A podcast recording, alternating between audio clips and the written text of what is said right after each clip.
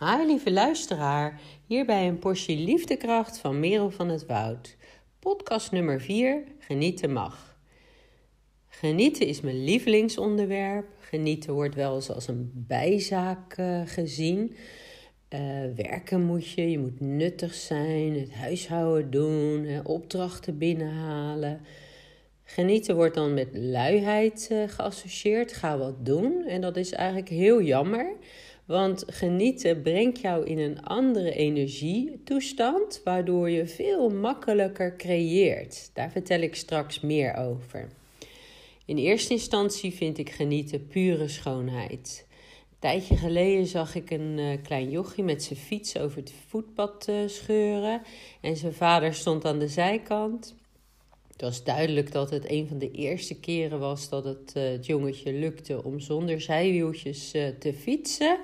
Zijn vader straalde van oor tot oor en het knulletje was gewoon zo blij. Trappen, trappen, trappen. En hij kon er geen genoeg van krijgen. En dat vind ik zo leuk van genieten. Het geluksgevoel, ja, die hoef je niet echt zelf mee te maken. Er alleen al naar te kijken of het te horen, dat kan jou uh, laten genieten. Niet voor niets zijn, uh, comedyprogramma's uh, zo populair de laatste jaren. Zeker ook in Amerika, maar ook hier steeds meer. Laatst uh, bekeek ik een comedy van Jochem Meijer. Of een show, hoe noem je dat? En nou, allereerst is die heel erg druk dat je in een soort andere toestand komt. Maar wel heel grappig vind ik zelf. En waar ik eh, vooral zo om moet lachen, is dat hij zo om zichzelf moet lachen. Regelmatig zegt hij: Wacht even, wacht even, het wordt, wordt nog veel leuker, wacht even. En dan ligt hij zelf helemaal in de deuk. En dat maakt nieuwsgierig naar de rest. Genieten is dus helemaal geen luxe. Het brengt je in een andere energie. Een liefdevolle energie waarbij je meer ontvankelijk bent voor al het goede in de wereld. Valt het jou ook wel eens op dat mensen die heel erg genieten van wat ze hebben of wat ze doen, er steeds meer van krijgen en er ook steeds beter in worden? Dat is helemaal niet zo gek, want als je de emotionele barometer van, uh, van Higgs op loslaat, dan blijkt genieten en, en of liefdevol uh, je liefdevol voelen een hele fijne energie te zijn die je zelf naar de fijnste energie brengt. Dus uh, de barometer, dat is een soort lijstje met onderaan de minst fijne emoties, gevoelens, die er uiteraard ook mogen zijn. En uh, elk stapje naar boven maakt het ietsjes luchtiger, waardoor creëren makkelijker wordt, contact met anderen gemakkelijker wordt. Nou, heb, ben je nog niet bekend met die emotional skill? Uh, stuur mij dan een uh, mailtje naar info@liefdekrachtcoaching.nl. Ik heb het schemaatje vertaald en in mijn eigen woorden gezet en dat kan ik je toemailen als je dat wil, met daarbij een kort lijstje hoe je het kunt gebruiken. De gevoelsbarometer loopt dus in stapjes. Bovenaan helemaal plezier, liefde, joy, passie. Onderaan depressie, machteloosheid. En wat de bedoeling is, eh, met dat lijstje kun je testen. Ja, test is een groot woord, maar je kunt even toetsen waar, waar sta ik nu en waar wil ik naartoe. En uiteraard, als je heel erg uh, depressief of down bent of hopeloos, ja, dan kun je niet van, van plaatsje 11 doorschieten naar 1 en het ineens allemaal heel leuk vinden. Maar ook kan je maar van 11 naar 9, naar boos bijvoorbeeld. Hè? Boos wordt soms uh, heel negatief over gedacht. En natuurlijk moet je niet te lang boos zijn. Maar als je depressief bent, dan betekent als je boos gaat worden dat er iets openbreekt, dat er weer energie gaat stromen. En als je dan bijvoorbeeld naar plekje 5 uh, eh, weet te komen, van hoopvol zijn of vertrouwen hebben of acceptatie, dan uh, merk je dat je je anders voelt. Je energie is anders, anderen reageren anders op je en je ziet weer dingen. Dus uh, je maakt openingetjes om weer ja, dingen toe te laten, dingen duidelijk te zien, mogelijkheden, kansen. En natuurlijk, als je heel boos bent, eh, laat dat gewoon even. Maar het is wel fijn om te onderzoeken waar het aan ligt. En vooral ook om te ontdekken, joh, kan ik dit zo kort mogelijk laten zijn? Of hoe kan ik die boosheid-energie goed gaan inzetten om dingen aan te gaan pakken? Wat ik zelf een hele fijne vind, is uh, op zoek te gaan naar iets positiefs of iets moois. de positieve kant van een situatie te bekijken, hoe lastig dat soms ook kan zijn.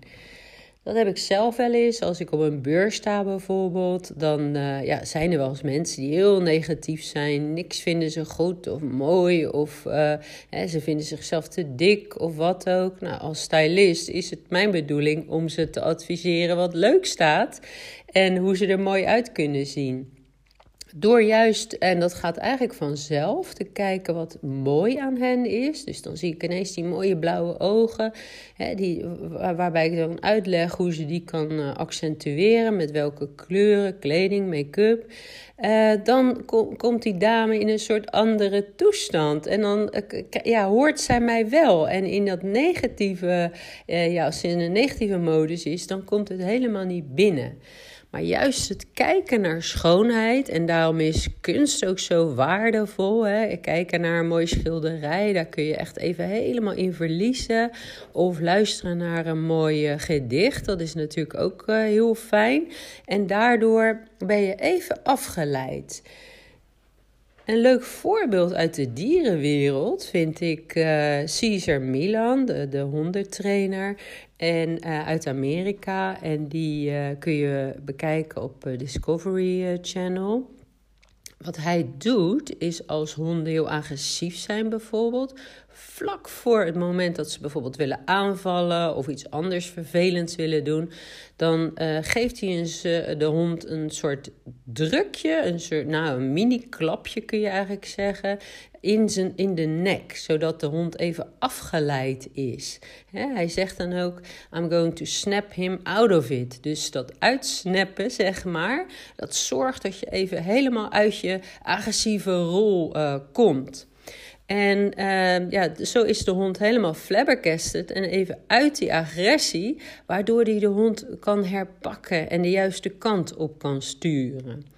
Nou, zo zie ik uh, de gevoelsbarometer eigenlijk ook. Je kunt je gevoel door al even vijf minuten niet aan, dat, aan de vervelende situatie te denken. Door een leuk filmpje, lekker muziekje, kopje koffie, het zonnetje op je gezicht. Hè? Eh, allemaal fijne dingen. Even spelen met je huisdier of met, het, met je kind. Dat zorgt ervoor dat je weer in een positievere flow komt. Ik heb dat zelf ook als ik schrijf. Ik schrijf best veel. En uh, soms ja, lukt het gewoon helemaal niet meer. En dan, zie ik, dan vind ik alles stom als het ware.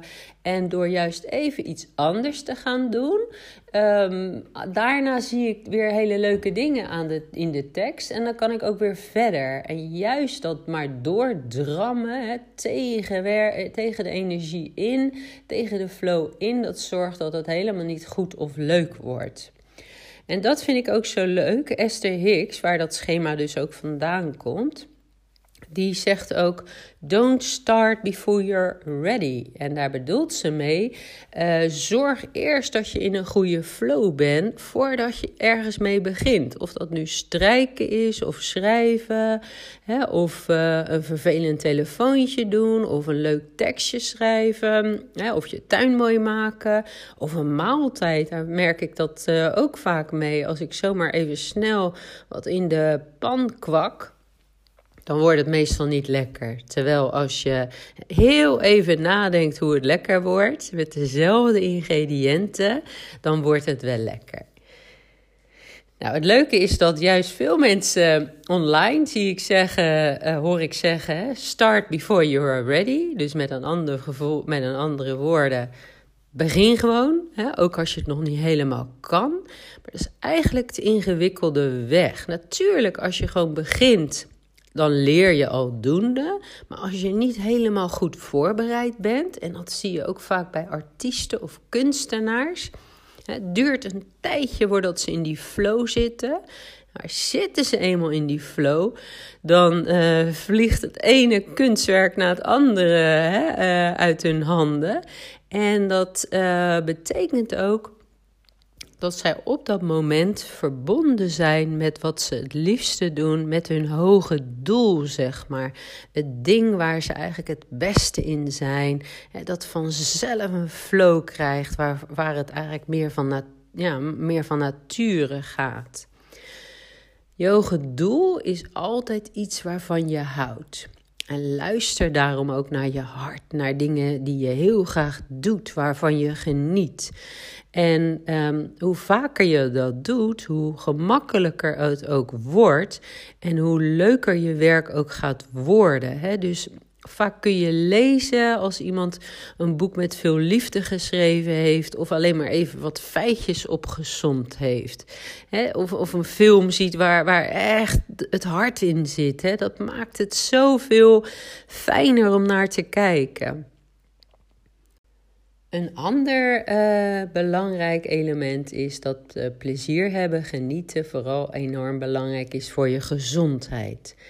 Steeds meer onderzoeken wijzen uit dat mensen die positief zijn, vrolijk zijn, sneller eh, genezen als ze ziek zijn, maar ook minder snel vatbaar zijn voor allerlei ziektes. Dus probeer vooral ook eh, ja, te genieten, nuttig te zijn, wat dat voor jou dan ook is. Hè. Dat is zo leuk uh, van die Blue Zone, die zes uh, delen in de wereld waar mensen heel lang en gezond oud worden. Die eten niet alleen gezond, maar die zijn vaak ook sociaal en gelukkig. Die hebben een doel. En uh, daarom uh, zou ik willen zeggen: uh, geniet vooral. En wat mij betreft is genieten ook besmettelijk. Dus hoe meer jij het doet, hoe meer de omgeving dat ook zal doen. Denk maar aan het knulletje op de fiets. Ik heb dat een tijd geleden gezien. En nog steeds, als ik daar langs fiets, dan denk ik: oh, zou dat knulletje er weer fietsen? Dus zo'n impact heeft het gemaakt. Zonder dat zij, die vader of dat jongetje, dat weten, hebben ze mij onbewust een beetje ja, laten genieten. Dit was weer mijn uh, podcast. Wil je meer informatie? Ga naar de website liefdekrachtcoaching.nl of stuur me een mailtje als je het schemaatje wil ontvangen of als je een workshop wil volgen of een opstelling wil doen. Nou, ik hoop je weer, uh, dat je weer luistert naar de volgende podcast. Fijne dag. Bye bye.